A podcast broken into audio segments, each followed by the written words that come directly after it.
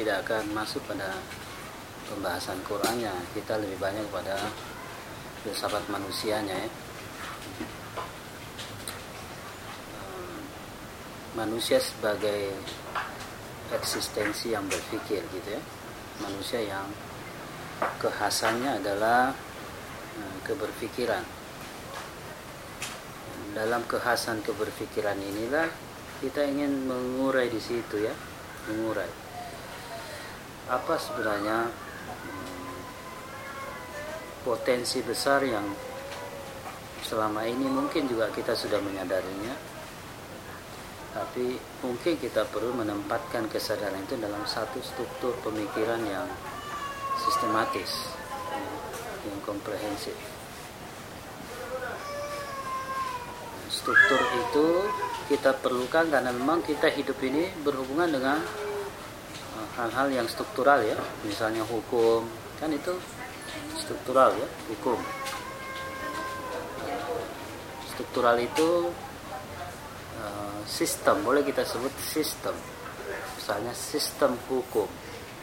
Dalam sistem hukum itu di, di negeri negara kita ini ada Pancasila ya, undang-undang dasar. Nah, 1945 terusnya sampai tingkat peraturan-peraturan menteri peraturan bupati ya.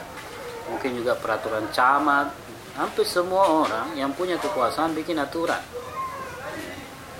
Semua. Bahkan ketua organisasi pun mumpung punya kekuasaan dia bikin aturan.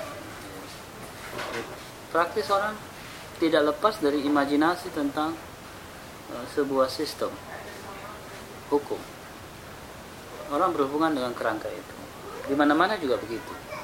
Aturan berlalu lintas saya sudah dibikinkan uh, banyak pondasi-pondasi uh, banyak kerangka-kerangka hukum di dalamnya. Misalnya di situ di lalu lintas itu ada hukum pidananya, ada hukum perdatanya.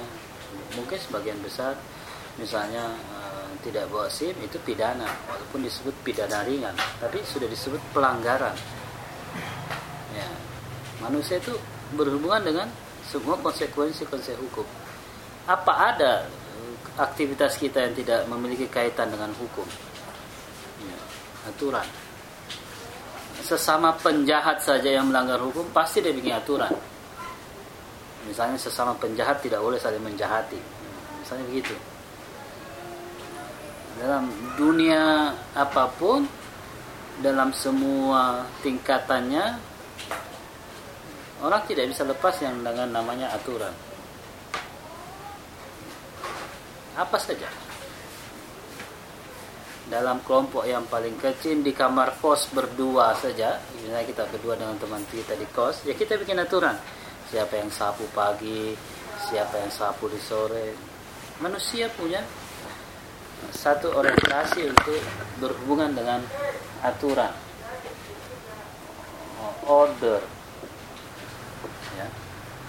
Order dalam pengertian Inggris order ini tatanan hukum ya. ini manusia. Kita nggak ada yang lepas dari uh, tatanan tatanan yang seperti apa bukan masalah kita di sini ya. Hukum yang seperti apa bukan pembahasan kita di sini. Sistem seperti apa bukan kajian kita sekarang ini. Tapi bahwa setiap kita memiliki satu interaksi dengan sebuah hukum. Termasuk adat ini pasti punya hukum. Ya, pasti ada adat itu bisa jadi menjadi satu hukum dalam budaya tertentu kan? Misalnya di, dimasukkan dalam sistem hukum kita sebagai hukum adat. Ada adat yang dijadikan hukum. Ada juga adat yang murni hanya sebagai sebuah budaya. Jadi adat ada yang sedang dihukum. Misalnya Eh, dalam masalah pertanahan. Ya kan mungkin ada ahli hukum di sini kan? Dalam masalah pertanahan banyak tanah-tanah itu yang sudah menjadi hukum misalnya kesultanan. Dia punya tanah. Nah, berarti di sini ini kayak UGM UGM itu Sultan Ground. Gitu kan yang kita tahu. Itu tanahnya Sultan kan? Jadi UGM ini numpang di tanahnya uh, Sultan. Macam-macam sedikit bisa diambil tanahnya misalnya begitu. Walaupun mungkin Sultan tidak begitu. Tapi seluruhnya dalam lingkup kehidupan kita berhubungan dengan tatanan jadi kalau ada orang mau meninggalkan aturan meninggalkan tatanan secara aksiologis itu tidak bisa diterima ya. Nah cuman kemudian orang menilai tatanan seperti apa hukum seperti apa. Nah menilai ini masalah yang lain tetapi pasti eh, secara aksiologis orang berhubungan dengan tatanan. Tidak mungkin tidak. Kalau struktur itu ada di alam hal yang sama harusnya juga ada struktur itu di konsep karena bagaimana kita memahami itu sebuah tatanan kalau kita tidak punya kerangka untuk memahaminya kan? Ada satu tatanan dipahami orang, dipahami orang bukan tatanan. Hukum. Ada satu pola. Bahkan teroris pun membuat tatanan kan, kayak kasus di Sarina ini kan. Kalau kita lihat kan ada tatanannya. Ya, plus plus ada rekayasanya mungkin kata orang dan sebagainya. Pokoknya terlihat ada satu pola. Siapa yang bergerak awal? Letusan pertama berapa detik? Kemudian letusan yang kedua. Kemudian ada yang di tengah kerumunan. Ya. ada yang bergeser ke polisi ada yang jalan ada yang bagian foto. Foto itu siapa kok tidak bereaksi? Ya. mereka membuat aturan membuat um, pola.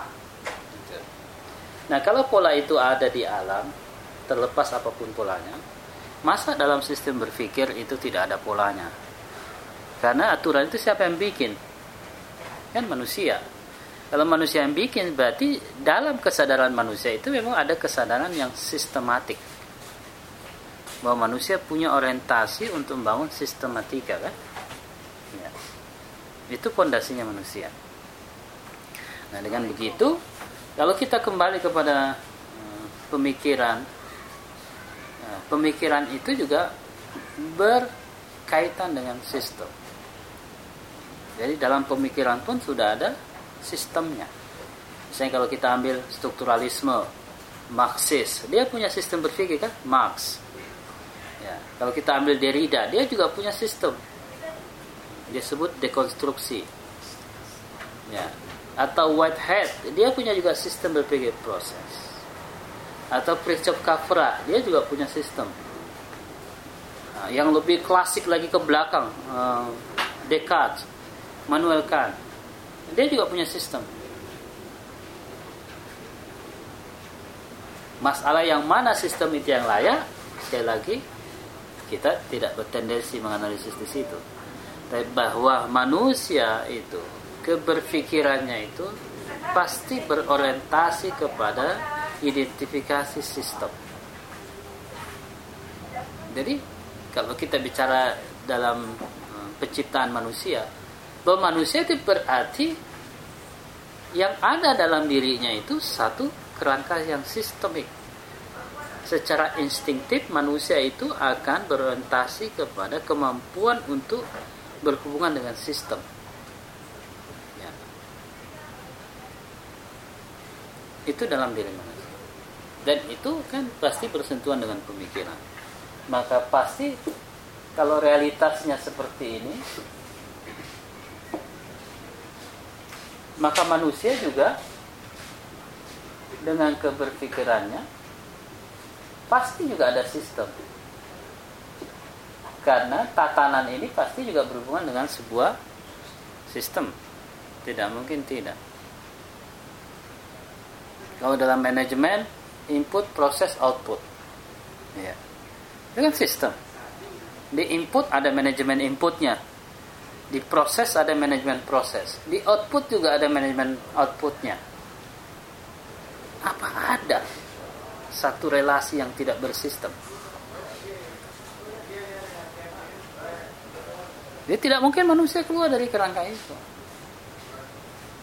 Jadi kalau ada orang membuat kekacauan, itu secara instingtif manusia sebenarnya menolak itu ya. Menolak itu kekacauan. Manusia tidak menginginkan yang demikian.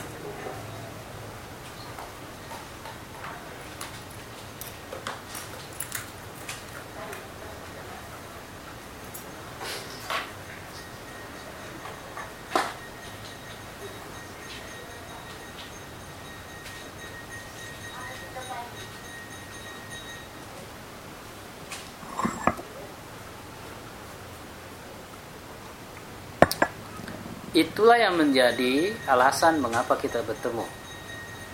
Bahwa kita sekarang perlu membangun satu sistem dalam kerangka berpikir kita. Ya, kenapa? Karena kita berhubungan dengan relasi sistemik. Tidak mungkin tidak. Kalau ada orang membangun deviasi alienasi terasing nah itu bisa. Seperti kapitalisme orang kemudian menjadi terasing dari kapitalis. Terjadilah alienasi.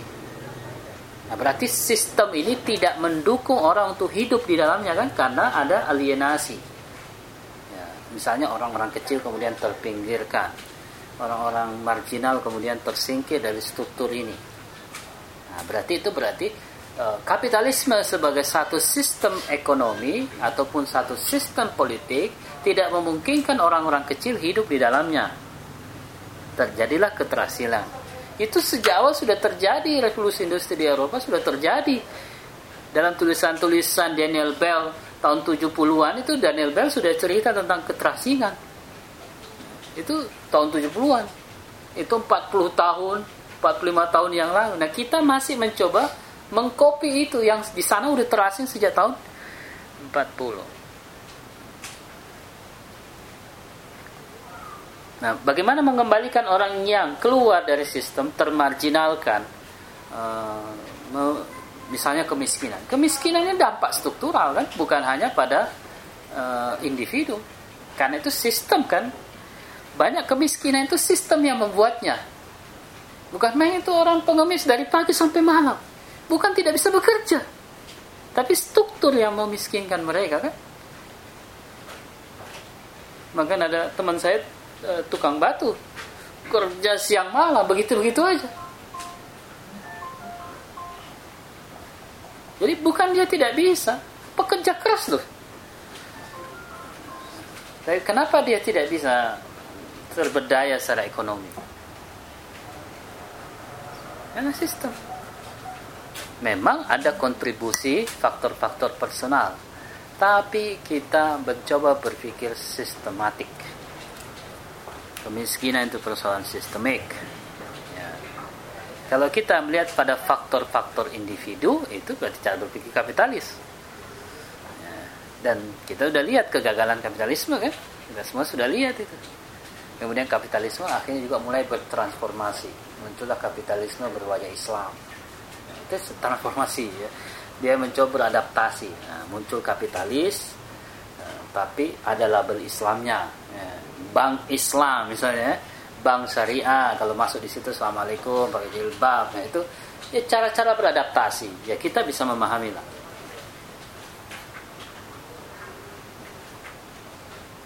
Budaya suku yang tidak mampu beradaptasi dengan perkembangan ini dia terasing. Apa sebabnya terjadi satu keterasingan dalam budaya-budaya tertentu?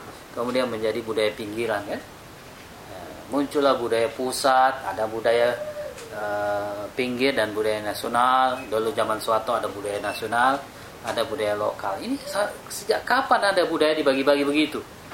Iya. Zaman Pak Harto itu dominasi Jawa misalnya, minta maaf. Itu kan fenomena ya. Ada dominasi budaya Jawa. Di kampung saya di Makassar, 20-an tahun baru bikin rel kereta itu pun baru dari ujung pandang ke Pare yang perjalanan sekarang baru bikin rel udah 70 tahun Indonesia merdeka. 71 tahun misalnya uh, Indonesia merdeka. Baru bikin rel sistem kan semua begini. Apa menyebabkan? Banyak faktor variabelnya. Kita tidak menganalisis itu. Intinya kita sama-sama bertemu ini untuk melihat manusia dalam pandangan sistem. Pembahasan kita ini kita mau melihat manusia dalam pandangan sistem. Ya. Nah, sistem ini kita melihatnya dalam pandangan dunia Islam. Ya. Tetap pembahasannya filsafat, tapi kita melihatnya dalam perspektif pandangan dunia Islam. Jadi e, filsafat itu adalah e, kerangkanya, kemudian e, bahan untuk menganalisanya e, kita menggunakan Islam. Objek kajiannya manusia. Yang kita kaji kan filsafat manusia. Filsafat ini kerangkanya. Kemudian kita menggunakan Islam untuk menganalisis itu eh, manusia. Perspektifnya Islam.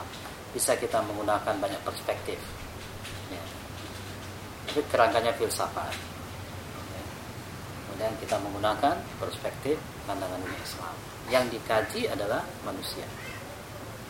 Nah, judulnya Mengapa kita diciptakan, tujuan penciptaan. Sebagaimana buku yang teman-teman dapat. Kita akan membahas keseluruhannya setiap uh, bagian satu kali pertemuan.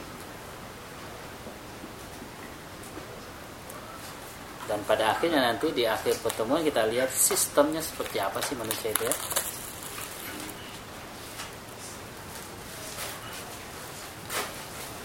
Itu ada lima pembahasan. Pertama tujuan penciptaan. Tujuan penciptaan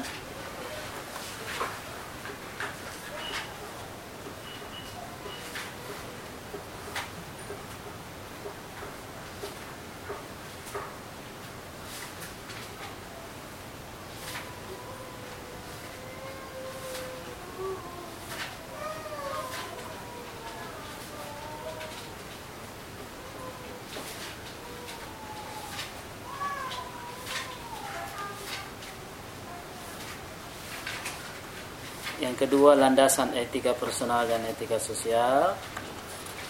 Yang ketiga agama masa pemikiran dan pandangan dunia. Yang keempat Islam dan penyempurnaan manusia. Yang kelima tauhid Islam. Ini semua Islam dalam pendekatan filsafat ya. ya bahannya kita ambil dari Quran.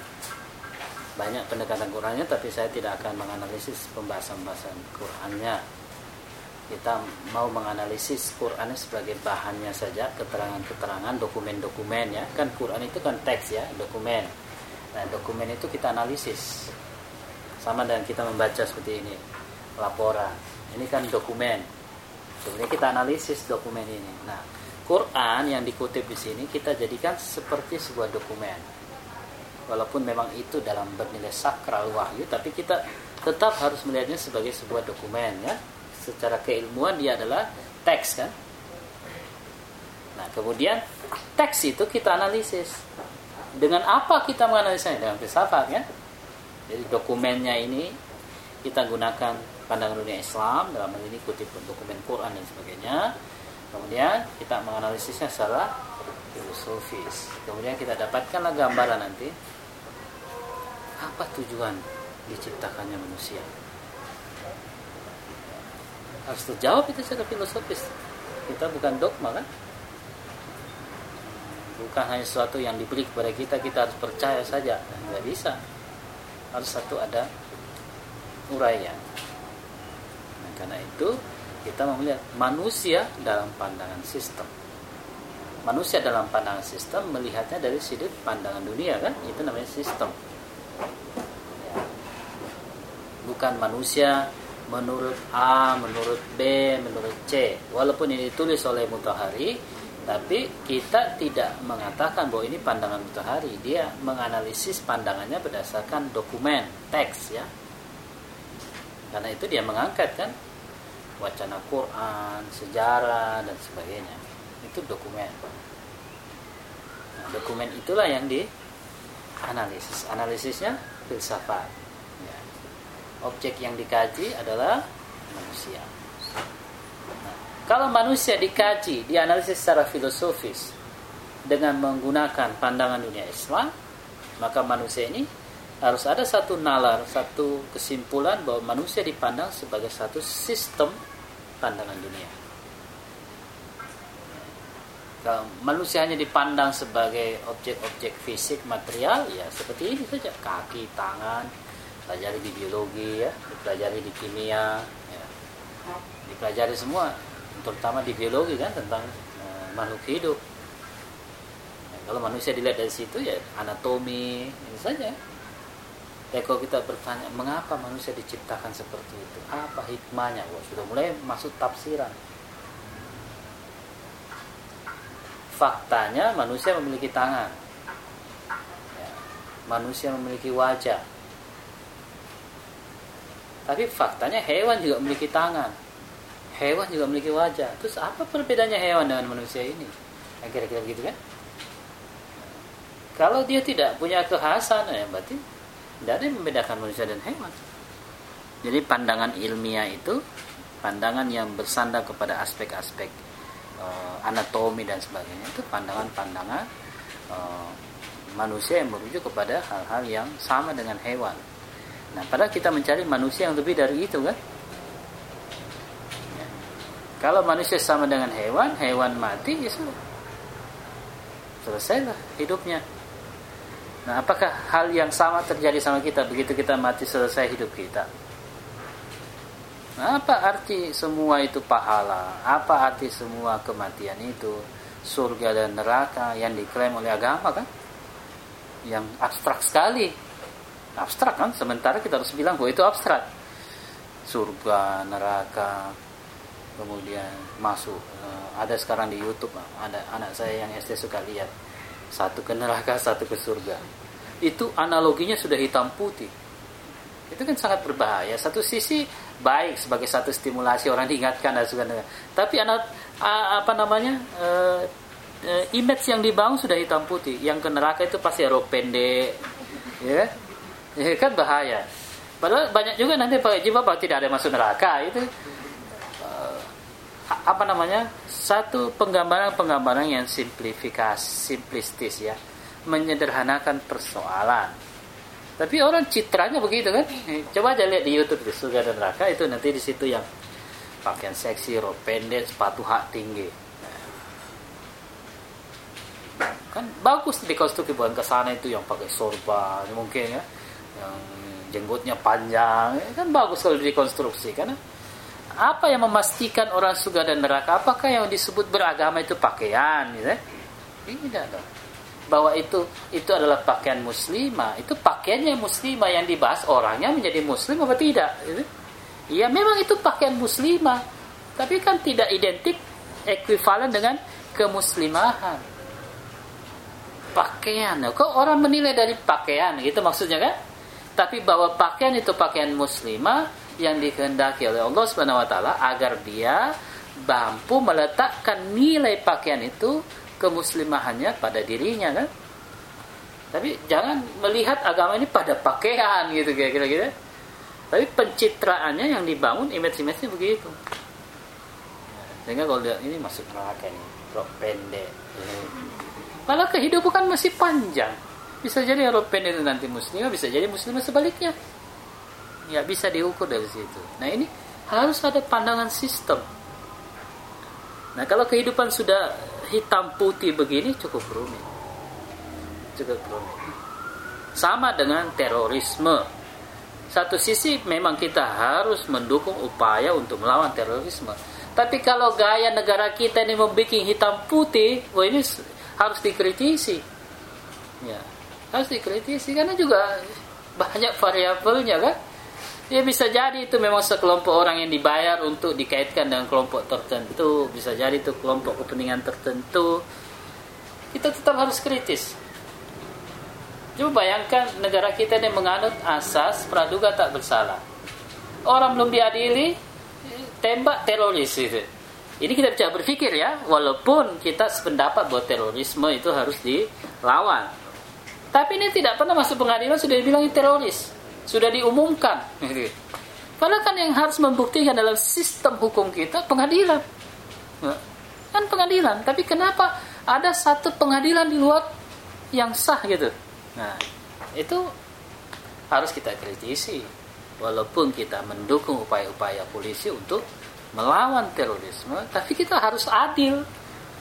Ya, tidak bisa kita main sikat-sikat begitu saja ditembak mati. Belum belum pernah terbukti apakah dia teroris atau tidak loh. Kita belum pernah tahu. Semuanya mati. Gitu. Sekali-sekali yang hidup kok diadili kita bisa tahu benar-benar ini teroris apa tidak atau dibuat-buat. Kan orang pasti akan curiga. Itu repotnya kalau sistem ini tidak kemudian membuat orang mendapatkan kepastian. Begitu terduga teroris tek mati. Tek mati. Nggak pernah diadili nah itu kan kecurigaan-kecurigaan yang beralasan. Walaupun kita harus melawan itu orang-orang teroris, membunuh orang lain ya dengan alasan apa pun tidak bisa dibenarkan kecuali kalau dia di negeri perang dan sebagainya. Tapi di negeri damai yang dibunuh Islam juga, apalagi ada anaknya mungkin kesian yang polisi-polisi itu kan. Ini kita butuh pandangan sistem. Itu kira-kira. Nah, buku yang singkat ini menurut saya sederhana tapi apa namanya uh, kecil bukunya tapi muatan sistemnya yang kita memperlihatkan selama uh, 5-6 kali pertemuan. Mudah-mudahan bisa selesai dalam Januari ini. 5, 6, 5, 7 kali pertemuan paling lama 8 kali pertemuan bisa kita selesaikan. 8 kali pertemuan seminggu dua kali ya sebulan ya, kita bisa selesaikan. Nah, saya harapkan teman-teman bisa mengkritisi. Kita mau memformulasi buku ini dalam pandangan filsafat manusia sehingga kita dapat manusia dalam kerangka sistemnya ya. Dilihat manusia dalam kerangka sistem landasannya apa saja? Di sini disebutkan landasan etika ada kemudian uh, landasan masa pemikirannya ada landasan agamanya ada landasan pandangan dunianya ada begitu kan? Etika juga ada kerangka personalnya ada kerangka sosialnya. Kemudian kita mendapatkan rumusan apa stop itu disebut manusia? Nah itu yang kita bangun. Nah pembahasan pertama tujuan penciptaan. Bisa dilihat di situ ya tujuan penciptaan. Walaupun kita tidak akan baca ya karena kita hanya menjelaskan secara singkat-singkat saja. Tujuan penciptaan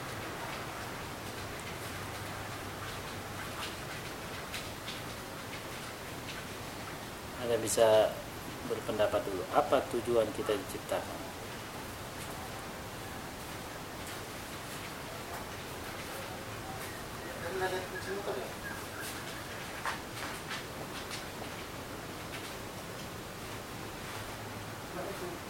Apa tujuan kita diciptakan? Apa tujuan diciptakan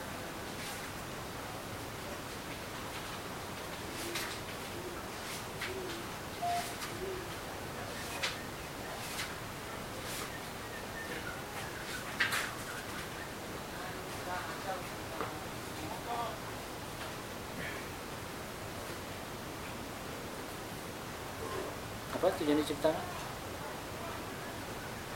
muncul dalam diri anda? Tidak usah kutip-kutip. Pokoknya apa sih yang dalam diri kita? Yang otentik.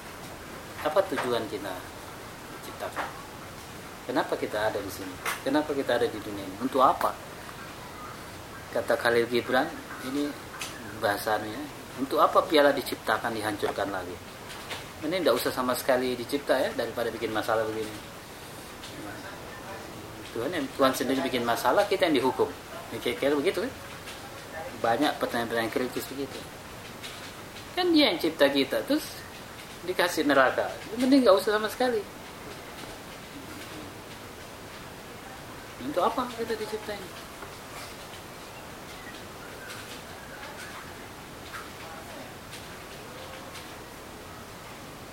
Apa yang apa yang kita cari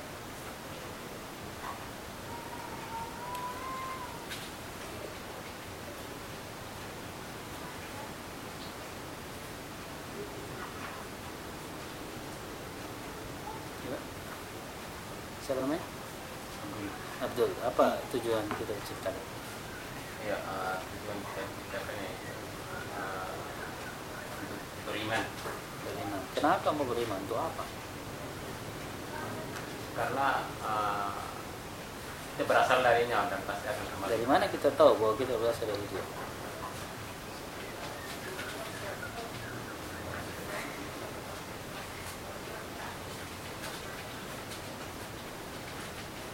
dari mana kita yakin bahwa kita dari dia?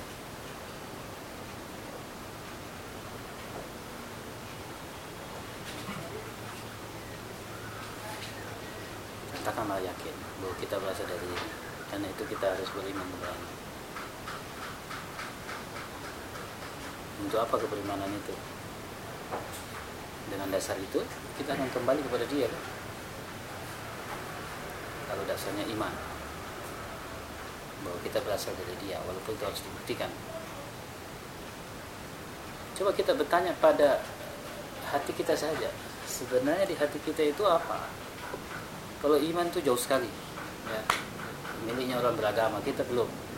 Kita bicara fitrah saja. Di dalam diri kita itu apa sebenarnya itu tujuan dari kita diciptakan?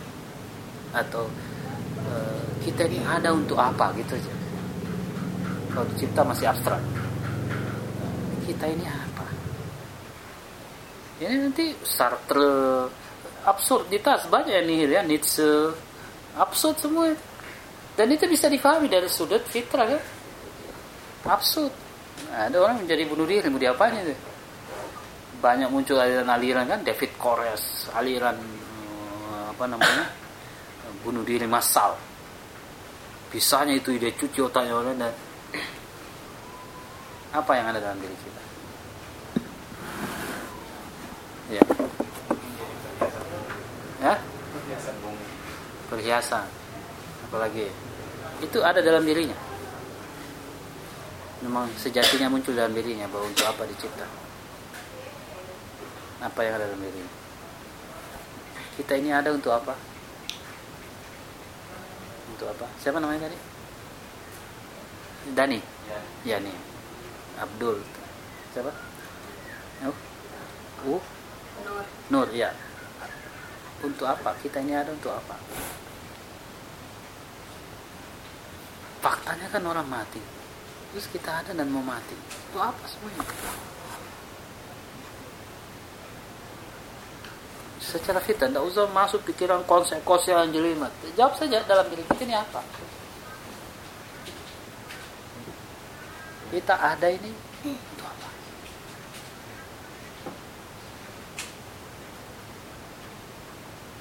Apa nol ini bukan hafalan. Yang muncul dalam dirinya apa? Kebutuhan dunia. Kebutuhan dunia. Terus kalau dunia ini hancur? Hampa sudah. Oh katakanlah hancur juga belum ada buktinya mati? Kalau kita mati untuk apa kematian itu?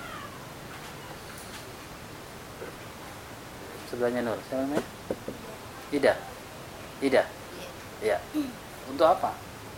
Begitu udah mati terus mau diapain?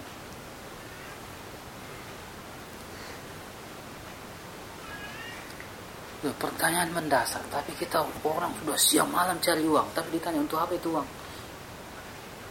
untuk beli rumah. Untuk beli rumah nanti ditinggal ditinggalkan kan repot sekali bikin sesuatu kemudian nanti ditinggal. Kan lucu ya. Kayak anak kecil bikin rumah-rumahan terus pergi. Eh kamu kok bikin sesuatu ditinggal? Ya seperti ini hidup kita. Kita bikin kita capai siang malam sudah itu ditinggal.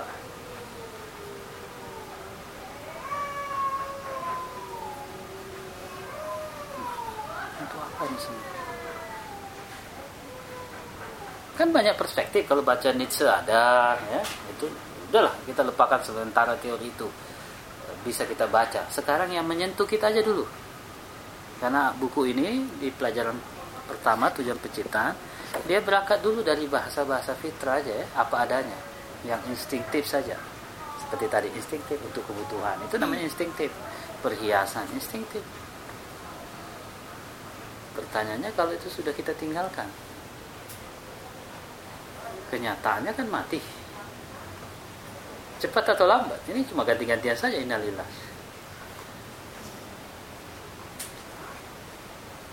Tidak. Secara instinktif saja.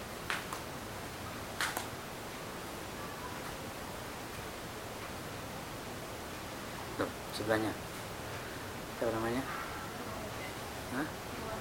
Mawaddah. Mawaddah. Ya untuk apa penyempurnaan jiwa. Itu ada maknanya.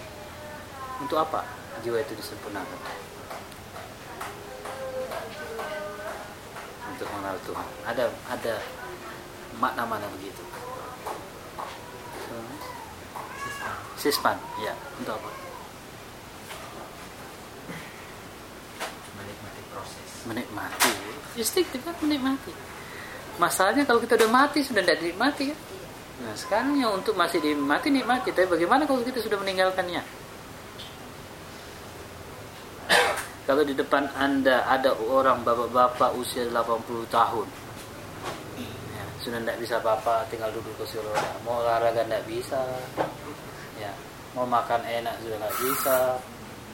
Ya apalagi uh, mau kerja sudah nggak bisa gerak mau nikah lagi tidak bisa mau punya anak sudah. Nggak bisa ngurusi lagi.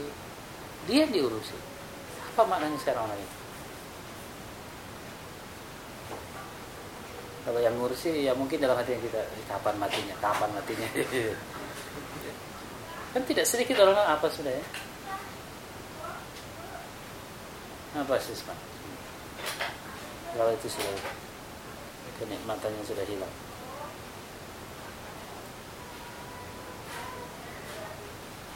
yang lain terus belakang. Siapa namanya? Ah. ya? Khalifah apa itu khalifah itu? Susah sekali abstrak. Yang dalam dirinya saja terlalu jauh itu. Yang diri saja. Itu tadi kenikmatan. Itu kan realistis ya? Nah, itu kan ya katakan bahasa Quran ya aku tidak menciptakan seorang khalifah di muka bumi. Oh, harus ada penafsiran. Apa di situ khalifah? Rumit. Yang instinktif saja yang dalam dirinya. Mengenali untuk mengenali. Instinktif ya untuk mengenali. Apa?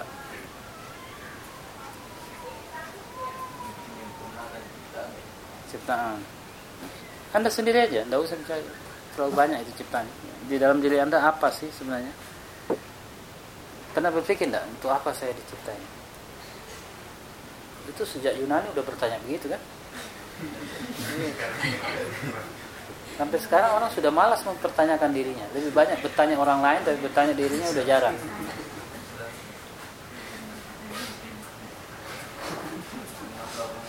Menambah pengetahuan. Itu ada keinginan untuk menambah pengetahuan. Sebelahnya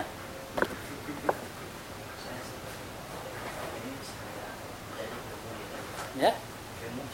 Lagi pemuja udah lagi sudah lebih abstrak sudah ya. Tapi itu bahasa jiwa memang memuji memuja ya. Apa saja pemuja uang pemuja harta ya, pemuja kekayaan kekuasaan pemuja perempuan pemuja pokoknya musik. Itu memang instinktif kan? Coba belakang? Belakang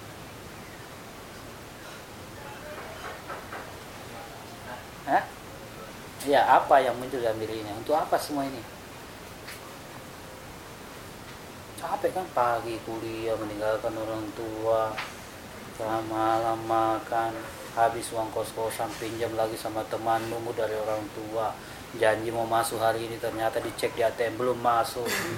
Eh, besok baru masuk. Hal yang sama terulang lagi begitu tuh berulang-ulang. Apa semua ini kan itu aja masalah kurang lebih saja. Kan bisa dicatat daftar masalah anak kos-kosan. Pasti bisa di, diidentifikasi kan daftar masalah. Daftar masalah seorang ayah dengan anak. Sudah banyak sekali informasi. Daftar masalah seorang anggota masyarakat dengan lingkungannya. Daftar masalah seorang suami dan istri begitu ya sebaliknya. Eh, seorang menantu dengan mertua sudah bisa di list googling aja sudah anda usah google aja. Nggak ada yang nggak bisa mungkin sekarang nggak bisa dipelajari di google. Ya. semua ada. Dari manual yang paling canggih sampai yang paling ecek-ecek ada semua saya kira ya. Complete.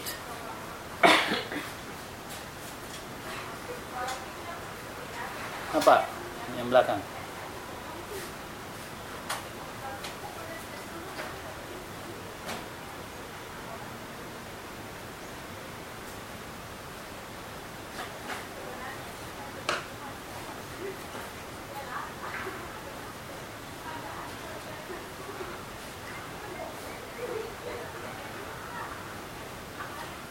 apa yang muncul secara instinktif saja. Instinktif itu muncul secara alamiah dalam diri kita aja. Tidak usah pakai teori-teori yang canggih dokumen-dokumen yang canggih dan sebagainya. Cukup yang muncul dalam diri kita. Untuk apa saya ini diciptakan? Saya ini mau ngapain?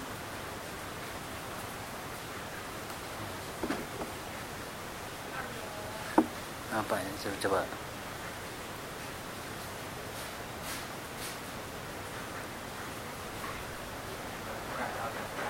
Melakukan hal yang benar. Lagi Fajar. Pengabdian. Itu ini mengabdi. Beda implikasi pengabdian implikasi kenikmatan beda semua. Tapi masa pemikirannya ada. Memang ada masa pemikirannya. Masa hidupnya adalah hipis nikmat. Ada masa pengabdian ada masa pemuja. Masing-masing. Ada masa perindu kerjaannya merindu terus. Ada masabnya itu. Ada masabnya masa perlawanan kerjanya melawan. Pokoknya hidup mati atau melawan. Ada juga mazhabnya kalau dikembangkan semua itu ya. Tapi berangkat dari instingtif saja. Yang terakhir belakang. Hah? apa? Untuk hidup. Untuk hidup. Ya sudah. Naluri untuk hidup. Ya. Naluri kita ambil sederhana. Saya hidup itu naluri saya satu saya mau kenikmatan. Secara instintif omong kosong kalau dia bilang saya tidak mau kenikmatan. Ya, saya nggak mau. Nggak mungkin. Cuma mungkin maunya sembunyi-sembunyi. Tapi secara instintif manusia menginginkan kenikmatan kepuasan secara instintif kita mau puas. Datang di sini harus ada kepuasan. Kalau tidak puas kayaknya enggak enggak lagi. Begitu. Ke warung makan kalau tidak nikmat anda balik lagi ke sana. Jadi kita cari mahasiswa yang murah dan nikmat. Harus dicari. Karena masih banyak Jogja ini yang murah dan bisa dinikmati Ya. Kenikmatan. Ada masabnya ini kan? Dari sisi itu kita nggak bisa menyalahkan. Manusia memang punya keinginan untuk menikmati. Tidak bisa lepas dari kenikmatan Eh, saya rasa kalau kita ditanya tujuan diciptakan itu berarti bu, kita menganalisanya bukan dari sudut bukan dari sudut pandang internal ataupun dari individu tersendiri ya dalam satu sisi ketika Tuhan menganggap bahwa kita tujuan kita untuk menciptakan adalah kenikmatan oke lah seperti itu tapi itu bukan tujuan yang menciptakan tapi tujuan kita berada di sini kan ya nah bagaimana tujuan yang menciptakan kita apa tujuannya untuk kita diciptakan Ya. Karena otomatis menurut saya ada sudut pandang yang memang itu bukan dipandang dari diri kita tapi dipandang bagaimana Tuhan atau dalam Tuhan kita adalah Allah bagaimana Allah menciptakan kita berarti kita memakai pendekatan berdekatan Allah otomatis bukan berdekatan instingtif yang berada pada diri kita kan saya seperti itu Pak kalau ditanya eh, bagaimana apa tujuan saya diciptakan otomatis saya menjawab kalau secara instingtif dan naluri saya dengan tujuan saya sendiri maka seakan-akan kita yang menciptakan saya yang menciptakan padahal saya yang diciptakan itu kan pertanyaannya dari objek bukan dari subjek Ya, terima kasih. Eh, pendekatan kita memang selalu berangkat dari diri kita dulu, realis. Kalau itu memang sudah ideologis, ya, itu terlalu jauh. Sekarang ini kita mulai dari yang diri kita dulu aja. Karena sering kali orang bicara ideologi, sering kali ya, dia mengabaikan realismenya. Kita berjuang ikhlas hanya untuk Tuhan. Ay, bohong deh apa sih ikhlas itu? Emangnya kita tidak ada ke- keinginan? Ikhlas itu apa? Tidak menginginkan sesuatu. Terus secara realis apa kita tidak punya keinginan? Ya, ini yang menarik dalam perspektif Mutahari bahwa memang kita harus berangkat dulu dari yang realis. Karena kalau kita bicara tujuan dari pencipta, wah itu jauh abstrak sekali. Abstrak, banyak dokumennya. Wa ma halaktul jinna wal insa illa liya'budun. Tidaklah aku ciptakan jin manusia kecuali untuk beribadah. Dokumennya begitu. Nah, kenapa kita ini malas-malas beribadah? Nah, dari mana itu? Nah, itu realis. Harus dicari di situ. Kalau Allah mengatakan tujuan kita untuk beribadah, kenapa dalam diri saya ini ada kecenderungan untuk menentang ibadah?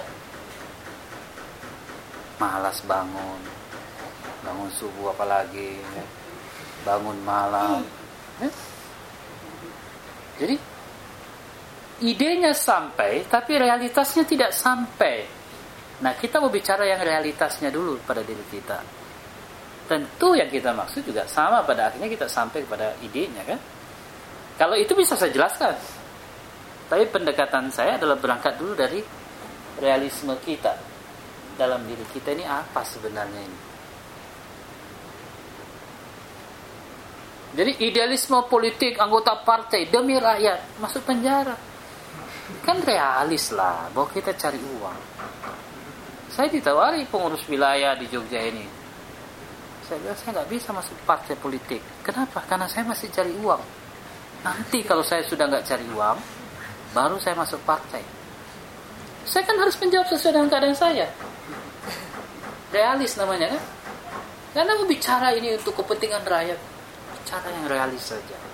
Kalau anda cari uang, ya jangan bawa-bawa rakyat. Bilang aja cari uang.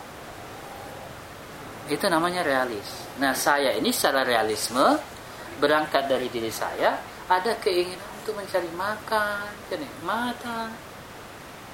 Ini Bertrand Russell loh, ini Sigmund Freud semua, analisa-analisnya bisa dipahami semua. Nah, saya berangkat dari situasi-situasi itu. Nietzsche semua. Coba gitu. Kita melihat lawan jenis, menikmati kan? Tapi diharamkan misalnya tapi kita menikmatinya. Haramnya satu sisi, nikmatnya lain. Nah, yang kita mau analisis, kenapa ya yang diharamkan itu nikmat? Kalau yang diharamkan itu tidak nikmat, ya tidak apa-apa. Masalahnya itu nikmat. Misalnya begitu. Nah, itu dari mana ini? Kenapa kemudian itu hukum terkesan mau membatasi kenikmatan? Nah, kita diciptakan tujuannya untuk menyembah Tuhan. Tuhan suruh kita taat, tapi yang ada dalam diri kita kayaknya jangan deh dihalang-halangi begitu. Bertrand Russell mengatakan begini ya, ini naluri, nggak usah dibatas-batasi, nggak usah pakai hukum. Nah, ini berangkat dari instingtif kita. Akhirnya karena masyarakatnya munafik, jadi tutup-tutupi di luar, sopan-sopan di luar, tapi sama saja di belakang atas nama Islam ternyata sama juga brengseknya dengan preman.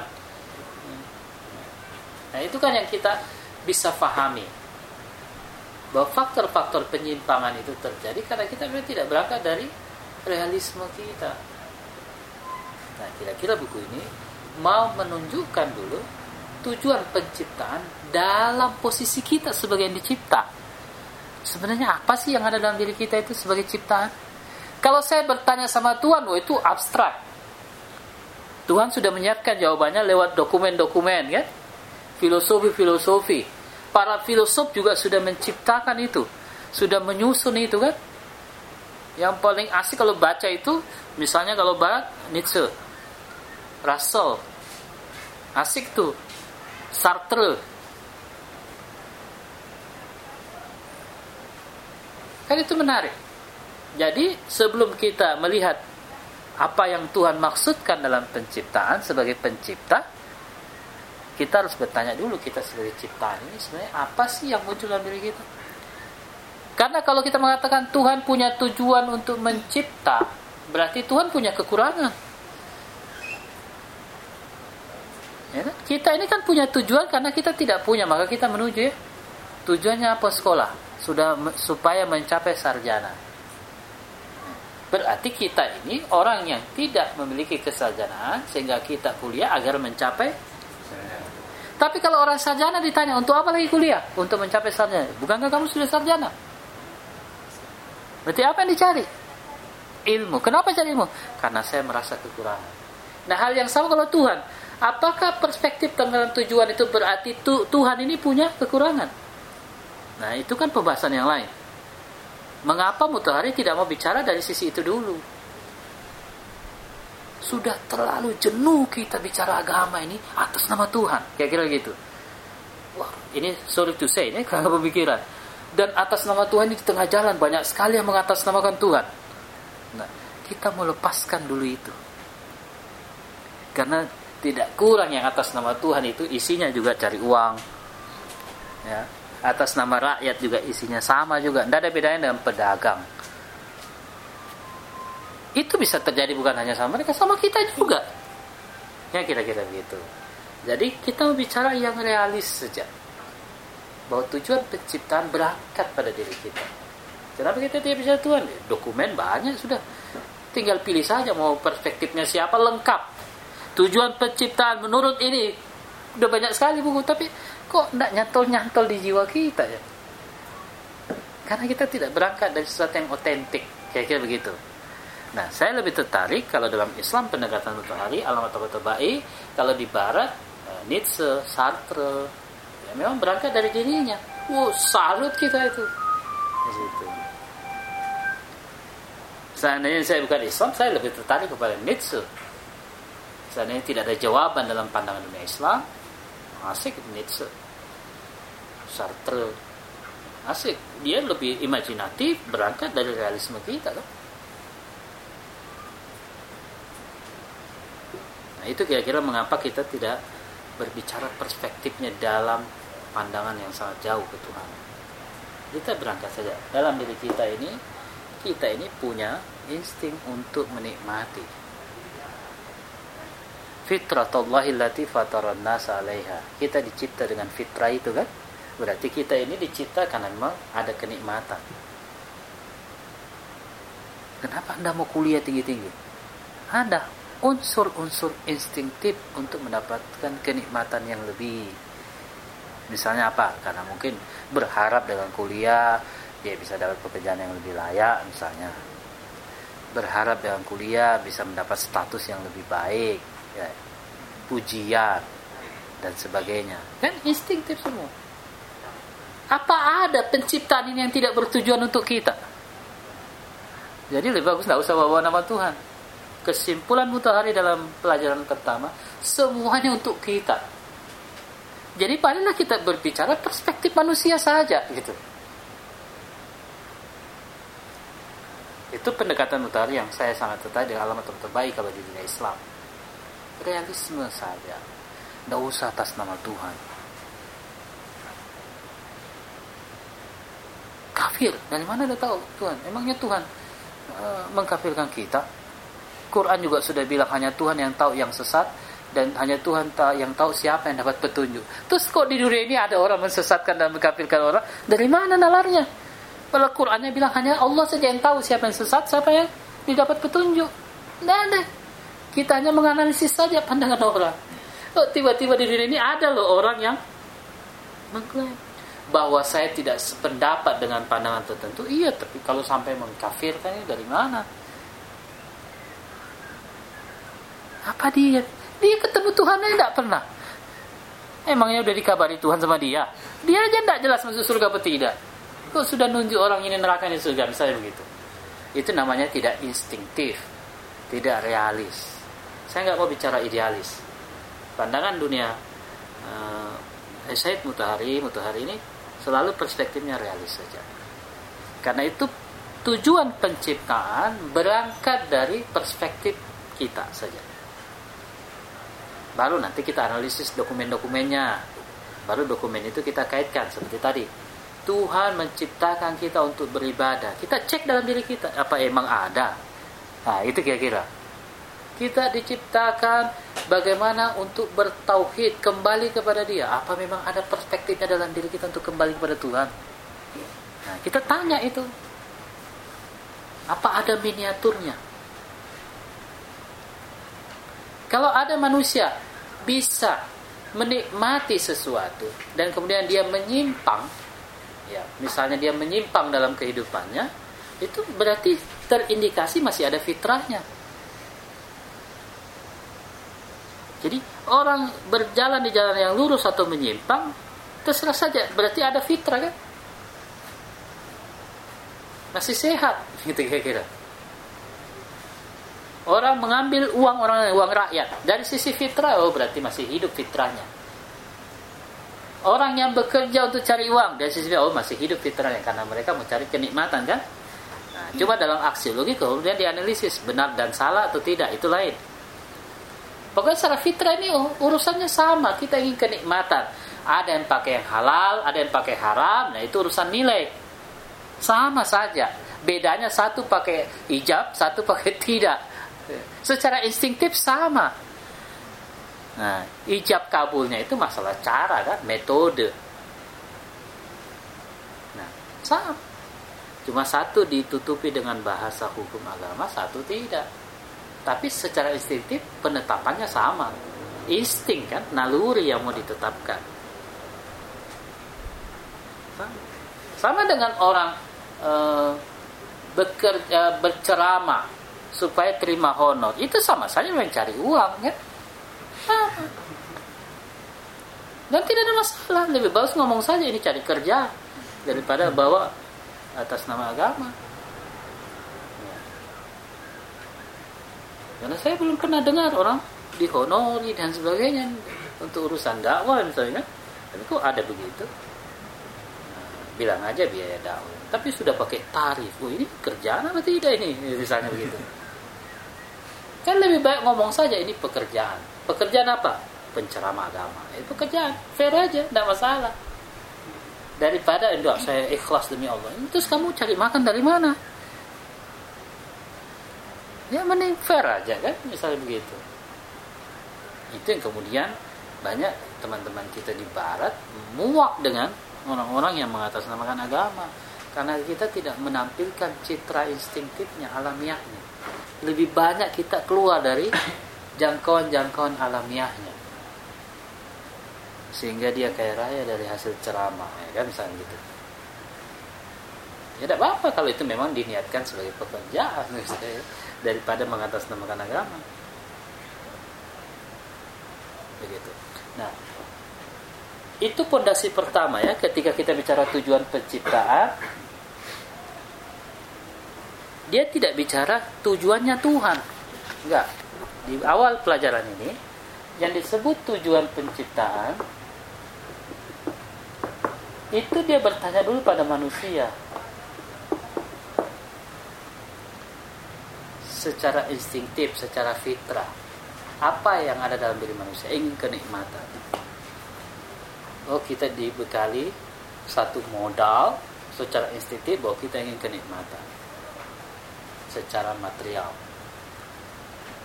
Apalagi kita ingin memiliki kekuasaan atas orang lain. Instingtif itu.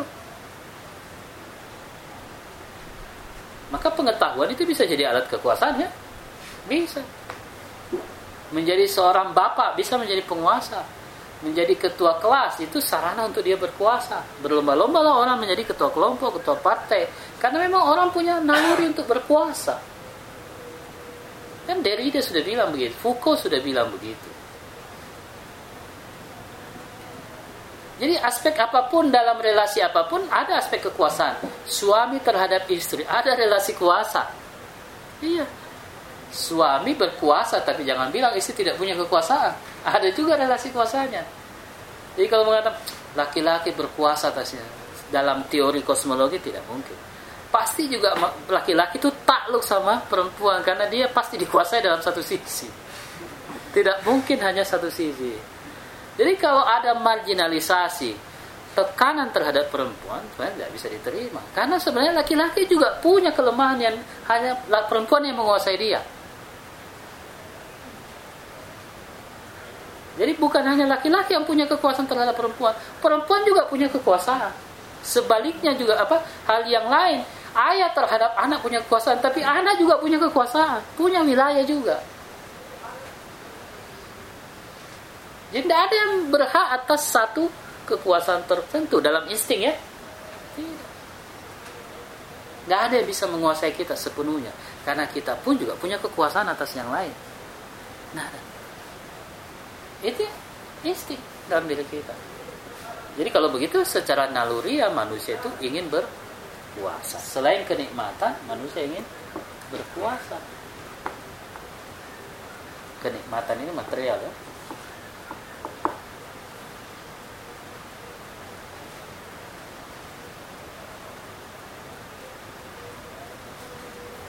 Pulang di kampung Abdul pulang di kampung bikin kajian. Ada relasi kuasa kan? Kenapa ya karena dia dari dari Jogja ya. Dipandang sebagai tempat orang uh, pusat keilmuan kemudian pulang ya dia punya kekuasaan. Ada orang paling tidak satu orang nah, berarti dia punya relasi kan? Diberikan dia otoritas. Paling tidak begitu. Kalau menjadi dua berarti dia sudah punya otoritas yang luas. Menjadi tiga nanti menjadi empat. Ada relasi kuasa. Siapa yang bilang tidak punya insting untuk berkuasa? Dalam batas-batasnya orang punya relasi. Tinggal nanti besarannya. Oke, itu penggambaran kita. Ini sekedar pengantar. Kita akan bertemu enam kali saja, insya sampai maksimal delapan kali untuk kita membahas satu buku ini yang pasti teman-teman sudah tahu bahwa kita tidak berangkat dari idea archetype model platonik ya, archetype model filosof-filosof yang berangkat dari gagasan-gagasan yang begitu besar. Kita berangkat dari diri kita saja. Apa sih yang ada dalam diri kita? Baru nanti kita cek dokumen-dokumennya. Baru kita analisis lah pandangan dunia Islam itu berdasarkan asas-asas yang ada. Jangan melawan realisme kita. Saya berdakwah ini ikhlas demi Allah. Apa maksudnya ikhlas itu apa maksudnya ikhlas? Tidak menginginkan apa-apa. Masa tidak mau ingin apa-apa? Padahal di isting ada. Mau dipuji. Berarti kan ada keinginan. Apalagi mau diakui.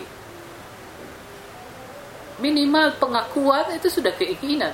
Masa ada ikhlas? Jadi apa sebenarnya itu ikhlas? Dilihat dari sudut realis ya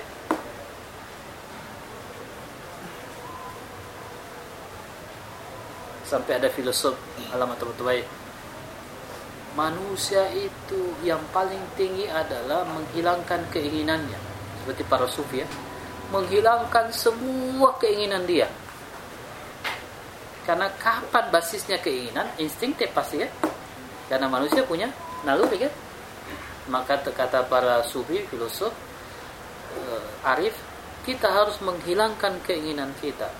Termasuk keinginan untuk menghilangkan keinginan itu juga harus dihilangkan. Betapa beratnya itu kan secara realis loh. Jadi kita harus menurut saya sentuh ini sekarang masa realis. Kita berkuah-kuah secara ide tapi sebenarnya di realitas kita menyentuh kok. Ah, kita tidak perlu uang dalam gerakan ini tapi di dalam diri kita ya saya butuh duit. Iya. Enggak itu haram sambil nengok-nengok. Haram itu maksiat tapi hati juga aduh. Sambil nengok lihat sedikit ya. ya itu lebih realistis kan? Ya, seperti kita menutup tapi masih ada ditengok sedikit. Artinya jiwa ini senantiasa ada yang mengintip. Ada sisi-sisi yang realis jadi kalau ada yang sampai kapan itu bisa kita lepaskan itu waktu proses pembahasan yang lain. Pokoknya kita bicara tujuan penciptaan ini basisnya pada diri kita saja. Baru nanti pertemuan-pertemuan beberapa kali baru kita lihat dokumen-dokumennya. Dua sampai tiga kali kita menyusun realismenya saja dulu. Yang berangkat dari diri kita. Baru pertemuan keempat kita menganalisis dokumen-dokumen itu. Baru kita lihat mana yang relevan jadi memang tafsirannya tafsiran instingtif realis. Misalnya, Inna dina indallahil Islam. Hanya Islam yang selamat. Nah, saya tidak percaya. Kita bicara realis ya. Bagaimana kalau ada Islam tetangga saya perampok, pembunuh orang, beragama Islam? Apa dia selamat menurut Anda? Terus apa arti kalimat inna dina indallahi Islam? Kalau di samping saya tidak beragama Islam, tapi dia jujur, baik, senantiasa membantu. Sebelah saya perampok, koruptor, rajin ke musola, rajin ke masjid, tapi uang, ambil uang rakyat. Beragama Islam. Ah, saya harus lebih memilih dia karena dia Islam. Sekalipun dia perampok. Realisme ya, saya nggak bisa terima. Ini namanya tafsir Jadi menurut saya dalam pandangan realis, setiap orang itu berhak atas keselamatan, bukan hanya klaim agama, realis ya. Jadi harus ada satu penempatan yang realistis saja. Banyak ceramah lagi menyebar. Di surga, di neraka itu banyak perempuan. Duh, dari mana itu? Pasti dokumen-dokumen saja. Ya? Kita kan pasti baca dokumen. Harus kita analisis dokumen itu dalam pandangan realis. Apa betul? Ibu surga kan di bawah telapak kaki ibu. Dan setiap orang punya ibu dan ibu itu perempuan. Coba kita bicara secara realis. Sudah bentar-bentar ini. Surga di bawah telapak kaki ibu. Dan setiap kita punya ibu. Dan setiap ibu itu perempuan. Berarti lebih banyak perempuan masuk surga. Nah ini namanya membenturkan dokumen-dokumen itu dalam pandangan realisme. Walaupun kita tidak memfinalkan, tapi bagus kita mulai jujur terhadap diri kita dalam pandangan realis. Baru nanti kita menganalisis apa toh itu agama sebenarnya ya. Apa? Itu nanti akan dibahas apa sebenarnya agama itu. Apakah apa yang disebut beragama itu? Itu yang mau kita capai. Agama itu untuk siapa? Untuk kita bukan untuk Tuhan. Tuhan apa mau butuh kita? Kita mengingkari Tuhan, Tuhan tidak akan ada apa-apanya. Menyembah juga tidak akan menambah apa-apa pada Tuhan. Untuk asal semua ini. Untuk kita semua. Itu kira-kira dasarnya ya. Kita akan bertemu kembali. Assalamualaikum warahmatullahi wabarakatuh.